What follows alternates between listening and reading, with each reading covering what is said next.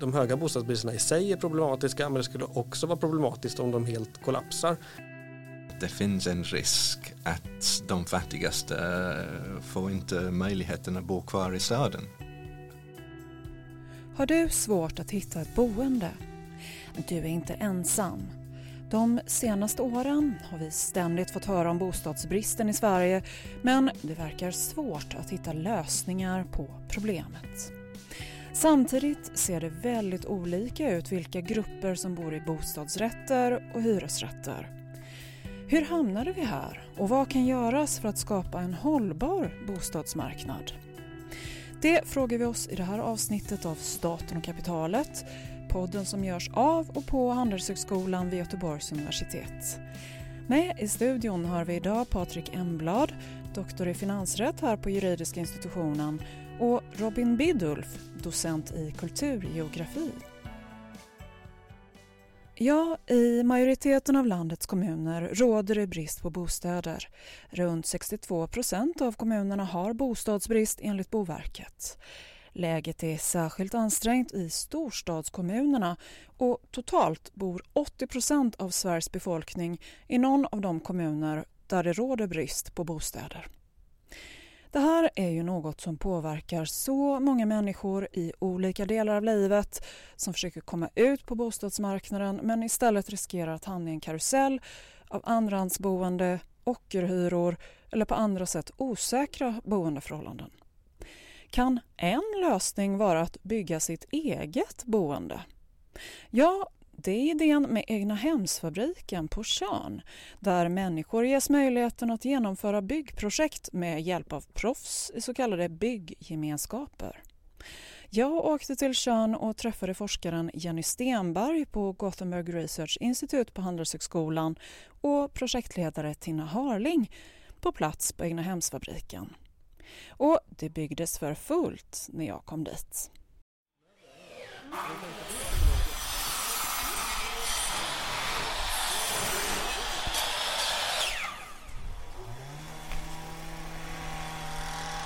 Men det här är ett väldigt litet tiny house. Det här är ett hus som vi har byggt eh, själva. Vi har gjort det som ett uppdrag för två beställare.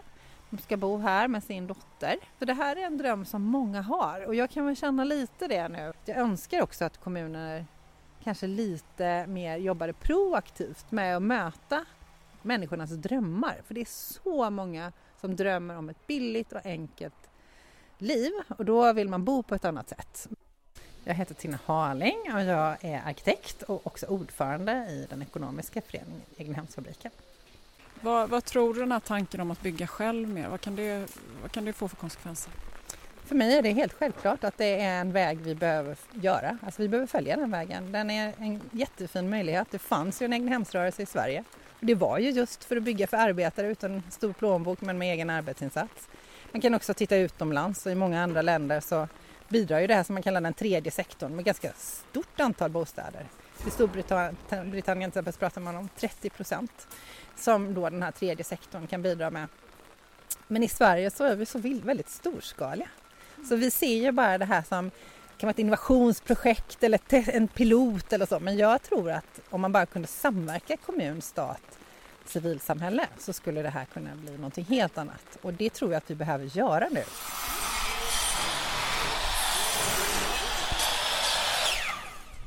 Jag heter Jenny Stenberg, jobbar på GRI på Göteborgs universitet.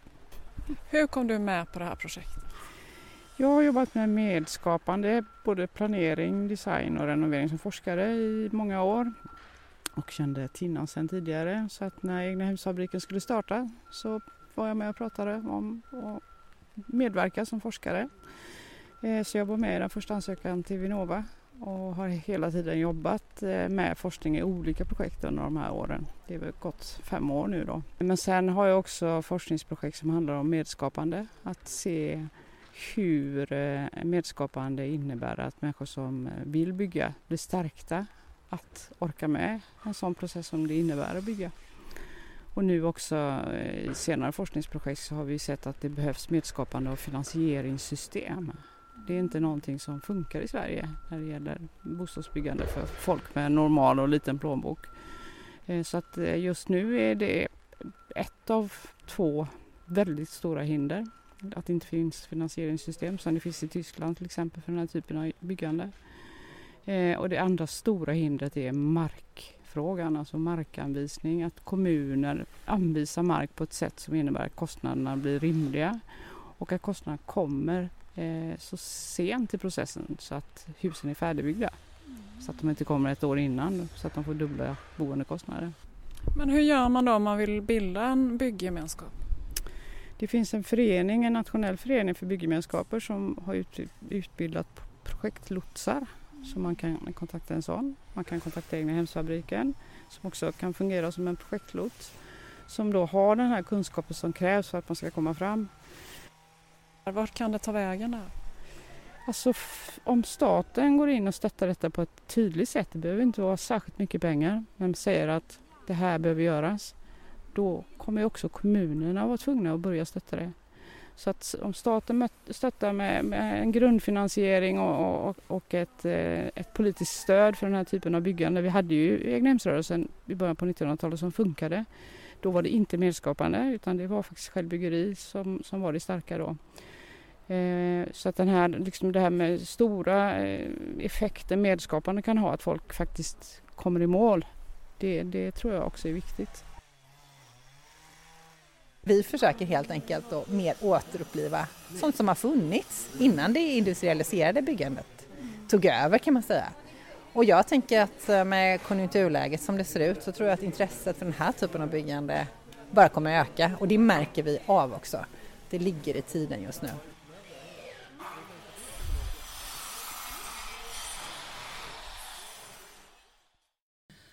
Ett annorlunda nygammalt sätt att hjälpa människor att hitta en väg ut på bostadsmarknaden. Vi hörde här forskaren Jenny Stenberg och projektledare Tina Harling som berättar om egna hemsfabriken på Tjörn. Och då vill jag vända mig till våra gäster i det här avsnittet som båda forskar kring bostadsmarknaden fast på olika sätt. Patrik Emblad, doktor i finansrätt och Robin Bidulf, docent i kulturgeografi. Vad har ni för reaktioner på det som sades i inslaget? Ja, jag tycker det låter som ett väldigt intressant initiativ eh, och jag tror att det är lovvärt på många sätt. Det som jag spontant tänker utan att veta mer om detaljerna kring det och som också togs upp här det är ju kopplingen till markfrågan. För byggkostnader är ju en sak men sen stigande markpriser är ju en annan sak som gör det svårt. Och behovet av statligt stöd tror jag också är väldigt viktigt. Just det. Och du Robin? Ja, jag är grundutvecklingsforskare och uh, en av erfarenheter som man har i denna bransch är att det är en stor utmaning att gå ifrån en lokal rörelse till något storskalig uh, som man undrar vad, så, så, vad, vad tidsramen skulle kunna vara för att uh, det skulle kunna vara ett storskaligt projekt. Just det.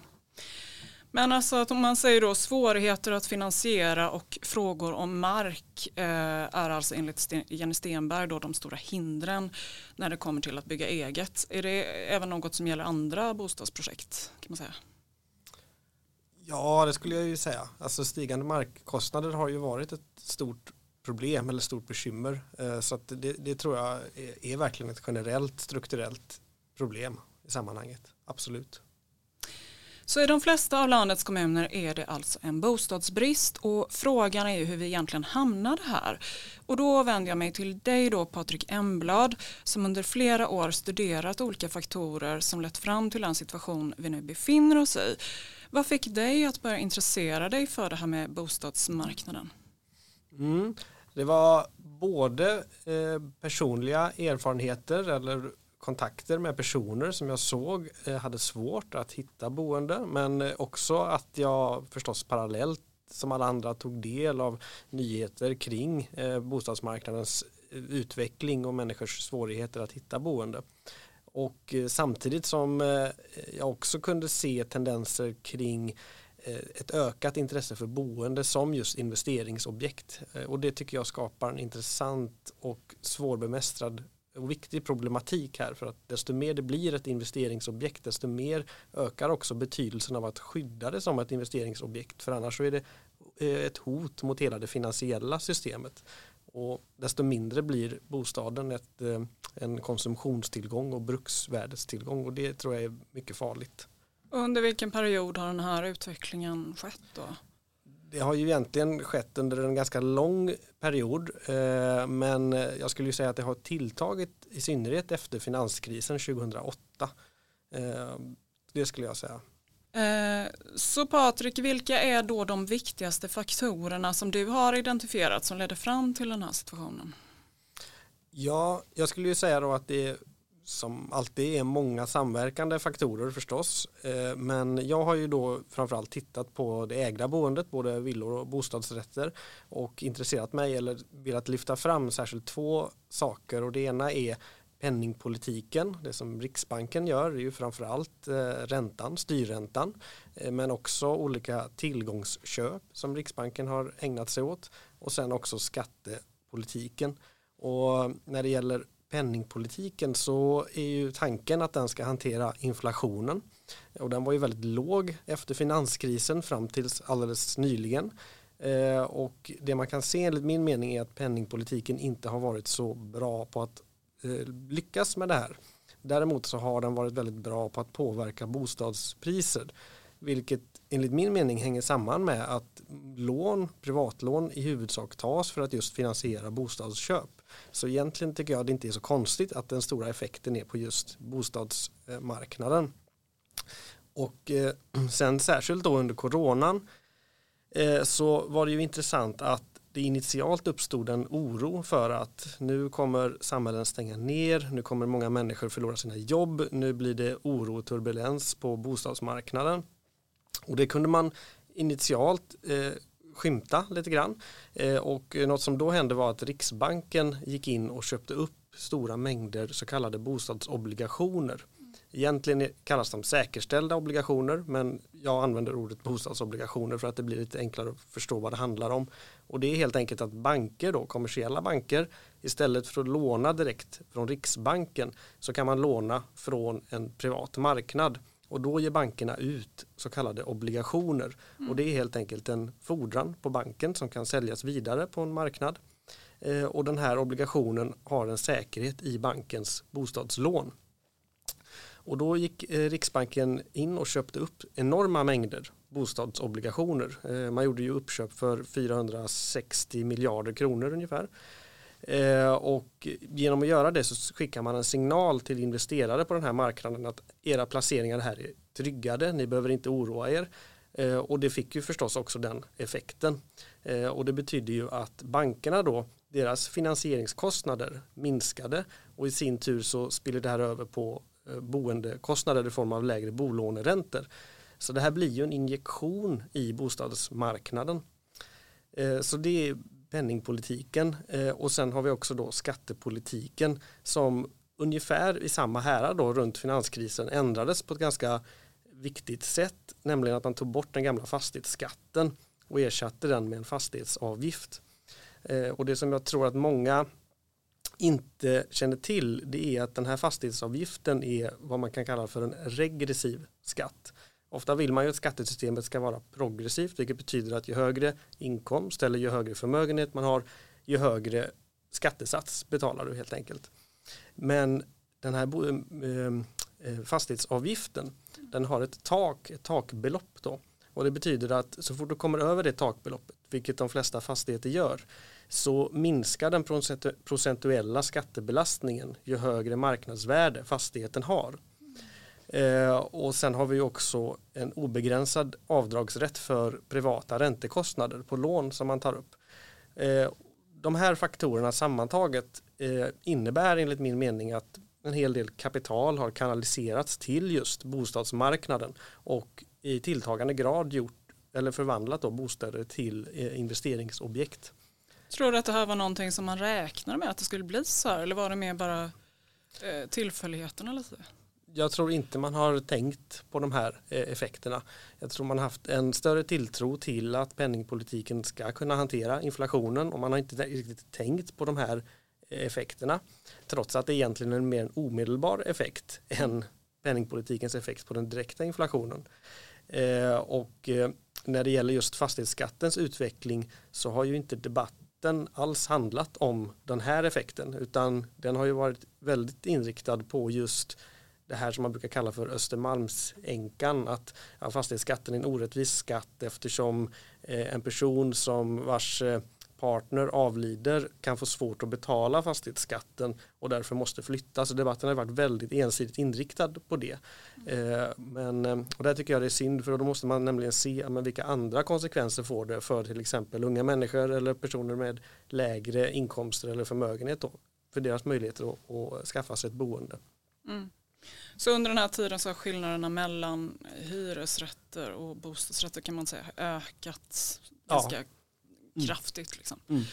Parallellt med bostadsbristen finns det också tydliga skillnader vad gäller tillgången till olika boendeformer. Statistik från Statistiska centralbyrån SCB visar till exempel att ensamstående kvinnor med barn i större utsträckning bor i hyresrätter än ensamstående män att personer som bor i hyresrätt har en mindre boendeyta än de som bor i bostadsrätt. Statistiken visar även att drygt hälften av alla personer med svensk bakgrund bor i småhus med äganderätt medan det för personer med utländsk bakgrund är vanligast att bo i hyresrätt i flerbostadshus. Och då vänder jag mig till dig Robin Bidulf. För du är just nu i sluttampen på ett forskningsprojekt som handlar om just det här med bostadsrätter och hyresrätter. Eh, och det har du studerat i ett bostadsområde i Tynnered, en stadsdel i Göteborg. Vill du berätta lite hur det kom sig att du började forska kring det här och vad det går ut på? Så Tynnered är ett eh, uh, sånt um, ehm, så kallade särskilt utsatt område, eller det har varit det, det är nu kallat för ett eh, uh, riskområde i sydväst Göteborg. Och jag är med i en Facebookgrupp som heter Save Tynnered Uh, och jag började ha lite kontakt med någon som satt i styrelsen på en bostadsrättsförening i ett område där de hade börjat ombilda 2006 um, ehm, och ombildningarna stoppades 2008. Så då hade man skapat ett område där alla hus var i princip samma men hälften av dem var hyresrätter Eh, under allmännyttan och de an, den andra hälften eh, var under fem bostadsrättsföreningar. Eh, så man hade en situation där det var blandade upplåtelseformer. Så, så, um, så det finns lite efterfrågan för en utvärdering av detta. Så, um, så på grund av det så uh, de, de bad oss att söka pengar för ett, ett forskningsprojekt i, i området. Och vilka frågor var det ni ville få svar på då? Så många politiker, många planerare hävdar att blandade upplåtelseformer um, är viktig för integration um, och för utveckling av uh, utsatta områden. Så vi vill veta eh, hur det upplevs lokalt. Uh, så folk som sitter i en hyresrätt och tittar ur fönstret och ser en bostadsrätt eller folk som sitter i en bostadsrätt och tittar ur fönstret och ser en hyresrätt vad tycker de, hur upplever de att det, vad, vad, att det har gjort för skillnad att de bor nu i ett, ett blandat bostadsområde? Ja, nu är du inte helt klar med det här forskningsarbetet men kan du säga något om vad det har fått för konsekvenser? Hela idén bygger på uh, en förutsättning att folk som bor i hyresrätter och folk som bor i bostadsrätter inte är helt samma. Mm. Um, men det finns en hel del blandning och diversitet inom både hyresrätter och bostadsrätter. Um, så inom området finns det lite olika åsikter. Mm. Um, det, det, det, är jättesvårt att, att, att, att, dra en enkel slutsats om folk som bor i bostadsrättsföreningar eller folk som bor i hyresrätter. Det är komplicerat. Men de flesta i området i, i detta område tycker att det är ett bra område som har blivit bättre med tid. Um, men de flesta ser, har svårt med att se kopplingen mellan blandning av upplåtelseformer och uh, tillstånd i området. Mm. Det, fin det, finns många som uh, knappt märker vilket hus är en bostadsrätt och vilket hus är fortfarande med bostadsbolaget. Mm. Och du Patrik, vad tänker du? Jag blir nyfiken att hoppa in med en liten fråga här. Eh, man kan ju tänka sig att eh, det är många saker också här som samspelar och när man då bara pratar om, en, om blandade upplåtelseformer och tänker bort andra strukturella aspekter då är det ju inte säkert att man kanske får de effekter man vill ha. Jag tänker till exempel tilltagande ojämlikhet och eh, hur arbetsmarknaden utvecklas och hur den ser ut på olika ställen. Eh, skulle du säga att, att det är just den saken att man får titta på den här större bilden och samspelet mellan andra eh, politikområden för att man ska få den här effekten som man vill ha? Det, det, det blir svårt att se de där effekterna på, på vilken nivå som helst. Så det, det, har funnits mycket eh, kvantitativ forskning på stor, stor skala som har försökt se um, relationerna men har haft jättesvårt med att dra tydliga slutsatser. Um, så, så, så teorin är, är, är ganska, det, det, finns olika teorier kring varför det kanske skulle kunna leda till. Så idén om att om man ombildar så kanske man drar in flera medelklassmänniskor och att de är bra förebild um, för andra och den där förebilden kan leda till uh, bättre resultat. Det finns idéer om nätverk, om att det finns flera medelklassmänniskor med bra jobb i ett område. Uh, det kan vara bro till tillgång till jobb för andra i området. Och sen andra teorier som inte handlar alls om relationerna mellan folk i området utan bara om områdets namn. Så att om det finns både BRF och hyresrätter eh, kanske området får en annan um, um, ett, ett, ett, annat namn, eh, högre status så att det kan vara lättare för folk som, som kommer från ett sånt område att få jobb för att det har ett bättre klang. Så alla de där teorierna finns. Men det är jättesvårt att hitta forskning på vilket land som helst och av, av vilken sort som helst som, som ger någon tydlig bevis på att det, att det gör en skillnad. Mm. Och det har funnits en del utmaningar med det här forskningsprojektet. Vill du berätta lite? Um, ja, så, så det är kvalitativ forskning där jag försöker um, med ganska långa intervjuer med folk. Och um, vi har fångat en ganska bra blandning av folk som, som har pratat med oss. Både med svensk bakgrund och utländsk bakgrund, både kvinnor och män. Men man misstänker hela tiden att folk som är mest benägna att prata med en forskare är nog de som, uh, som har det lite bättre det har också varit en intressant utveckling i området. Att eh, uh, 2021 eh, byggde bostadsbolaget uh, ett nytt hus i området. Och det var 91 nya lägenheter. Uh, och de är liksom 50 procent dyrare. Och när det gjordes så ombildades en av de gamla hyresrätter till en ny BRF. Så det var en sjätte BRF i området. Um, så det var både det, det gjorde att mina kategorier försvann och läge, jag försökte um, undersöka vad, vad konsekvenser av någonting som hände mellan 2006 och 2008. Men nu var det en ny händelse 2021 som var intressant i sig själv.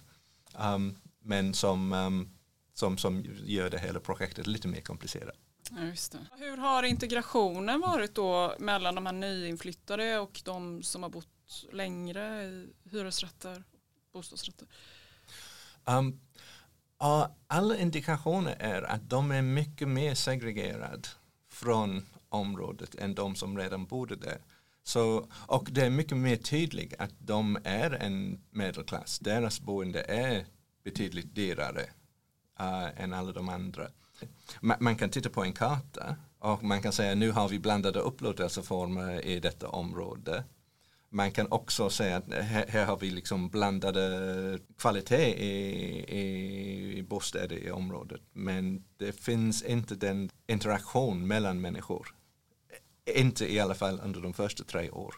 Däremot den där möjligheten att äga eget. det har, det har gjort skillnad på många sätt. Um, det, både folk som bor i hyresrätter och folk som bo i bostadsrätter eh, tycker att det är fint att det har lyftat uh, hur området ser ut. Um, så, så, så folk är glada över det.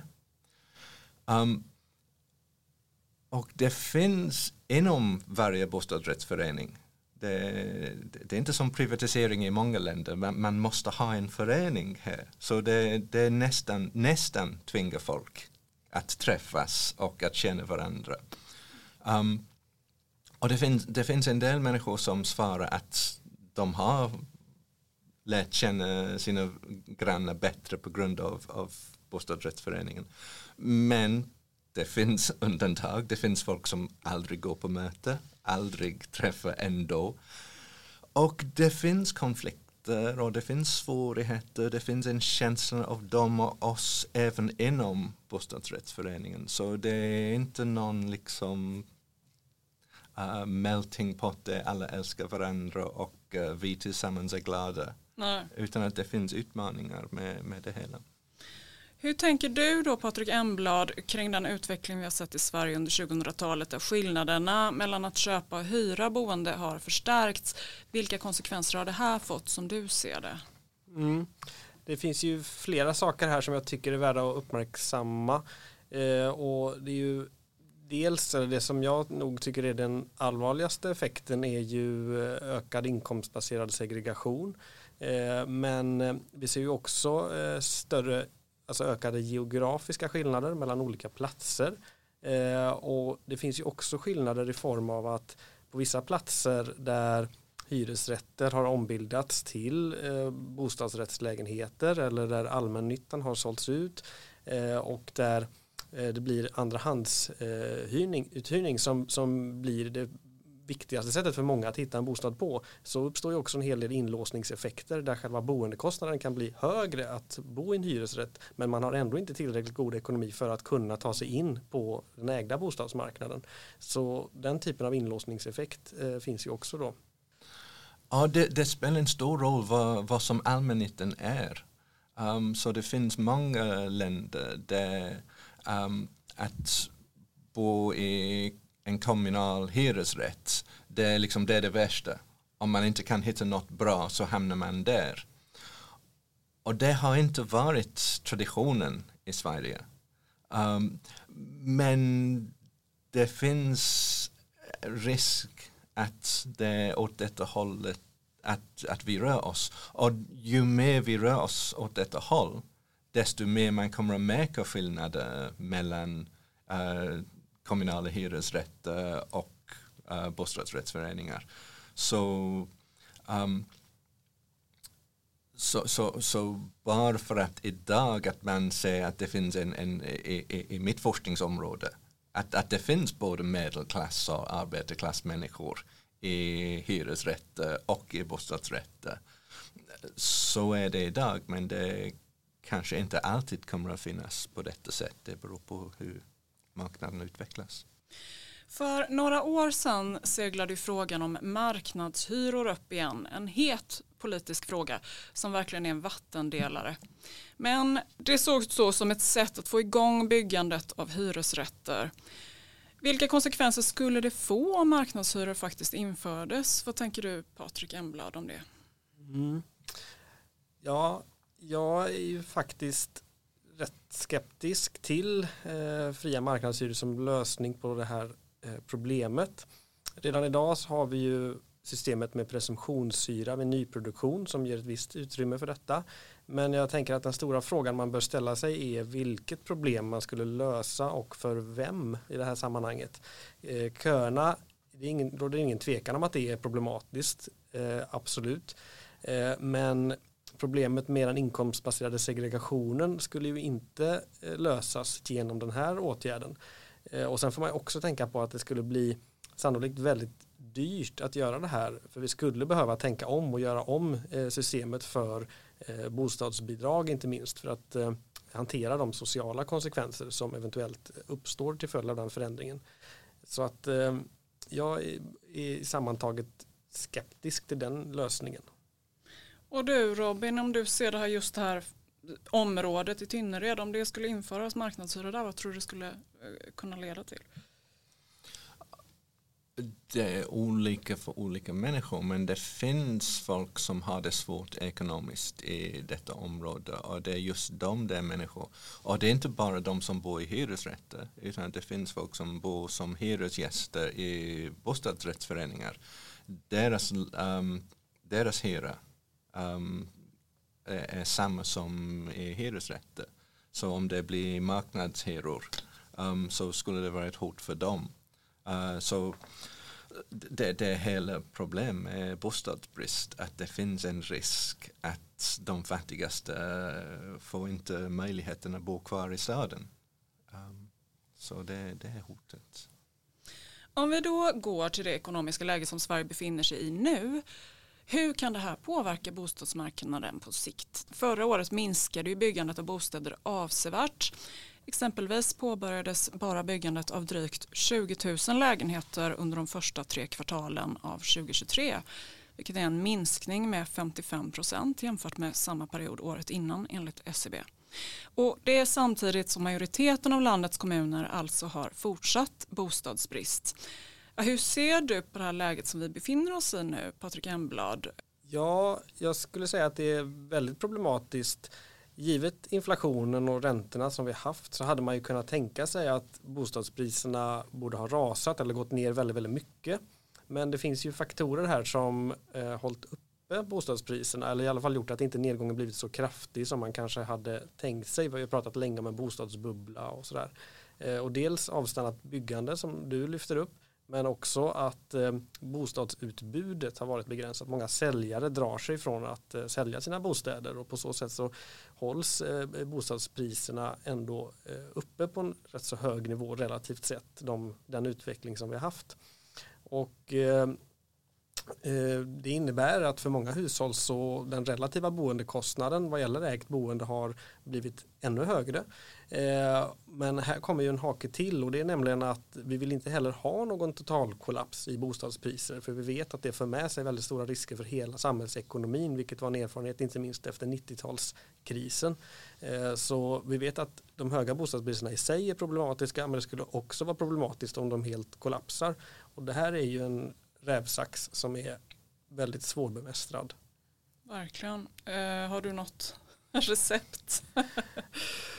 jag tror ju på att man skulle behöva göra rätt så omfattande saker men framför allt en, ha en mycket mer aktiv statlig bostadspolitik och jag tror också man skulle behöva göra om fastighetsbeskattningen och ha en, en eh, ordentlig, snarare progressiv fastighetsskatt eh, i syfte att eh, göra bostäder mer till brukstillgångar snarare än investeringsobjekt helt enkelt.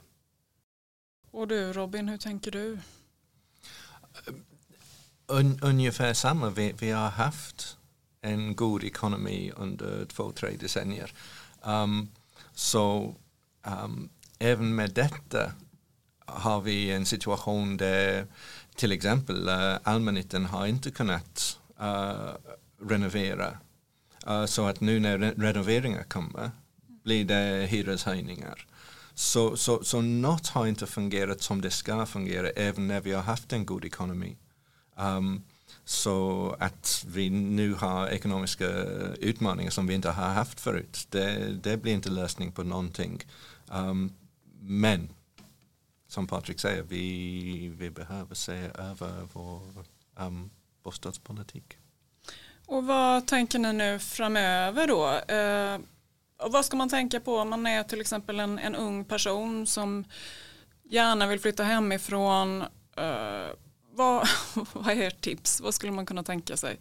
Ja, det som är tragiskt i sammanhanget är ju att allt fler och fler unga blir mer och mer beroende av sina föräldrar. Att man har föräldrar som kan gå in och stötta finansiellt. Antingen gå in med eh, kapital i, eh, bostadsköp eh, eller kanske kunna stå som eh, medlåntagare vid bostadsköp. Och råkar man ha det så är det tur och jag tror att många väljer den vägen som har den, som har den möjligheten. Annars så är det ju tufft och så som det ser ut så blir ju många hänvisade till en andrahandsmarknad på hyresmarknaden som där vi vet att, att kostnaden är, kostnaderna är väldigt höga då. Så att det är ju inte alla som har så många valalternativ överhuvudtaget då.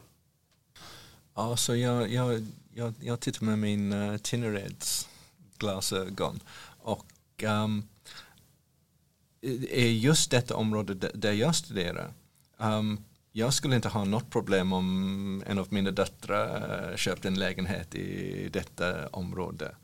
Um, om det beror på ombildning, att det är ett blandat område. Eh, kanske det. Det, det. det, finns bevis på det från svaren som vi har fått. De flesta i området tycker att det är, att det är bra för området att det har funnits ombildningar, att det finns den där blandningen. Men om det är så att det är en bra idé, det, det finns ingen politik nu som garanterar att det ska fortsätta så. Det, det är många i området nu som vill ombilda resten av husen så att det är bara um, bostadsrättsföreningar i detta område. Det finns andra delar av Tinnered, det är fortfarande bara hyresrätter. Så, och det blir politiska beslut, det blir ekonomiska förutsättningar. Um, så, så det finns ingen som säger okej okay, nu ska vi blanda i, i varje 500 lägenheter ska vi ha 200 bostadsrättsföreningar och 300 hyresrätter. Um, så så det, det, finns ingen politik på detta sätt. Um, så, um, så nej, jag har ingen riktig bra tips för en ung människa som söker bostäder. Förutom att säga att um, det finns många fina ställen att bo i de så kallade utsatta områden. Men det är inte som det var för 15 år sedan. Det, det var tomma lägenheter.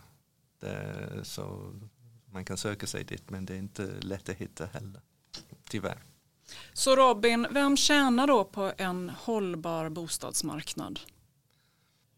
Ja, och någonting är snett just nu. Det, det, det, bostäder har alltid bara, både varit uh, någonting som man kan köpa och sälja. Uh, en privat uh, grej men också uh, en rättighet som man har i samhället. Men hur denna balans sköts, uh, det har inte fungerat nyligen. Inte i Sverige, inte många andra länder heller. Patrik, vad säger du? Jag skulle säga som så här om man nu tänker på en hållbar bostadsmarknad i termer av en marknad som tillgodoser de sociala bostadsbehoven eh, snarare än investeringsbehov. Eh, då skulle jag lyfta fram tre saker. Framtiden, unga människor idag eh, och jag skulle lyfta fram samhällsekonomin eh, främjas av en bostadsmarknad som inte blåses upp med de risker som det innebär. Eh, och jag skulle också lyfta fram jämställdheten eh, om man tänker på riskerna som finns med människor som är inlåsta i destruktiva förhållanden och svårigheten att ta sig därifrån om inte nu det finns eh, bostäder som gör att man kan eh, hitta någon annanstans att bo. Så eh, framtiden, samhällsekonomin och jämställdheten skulle jag då säga.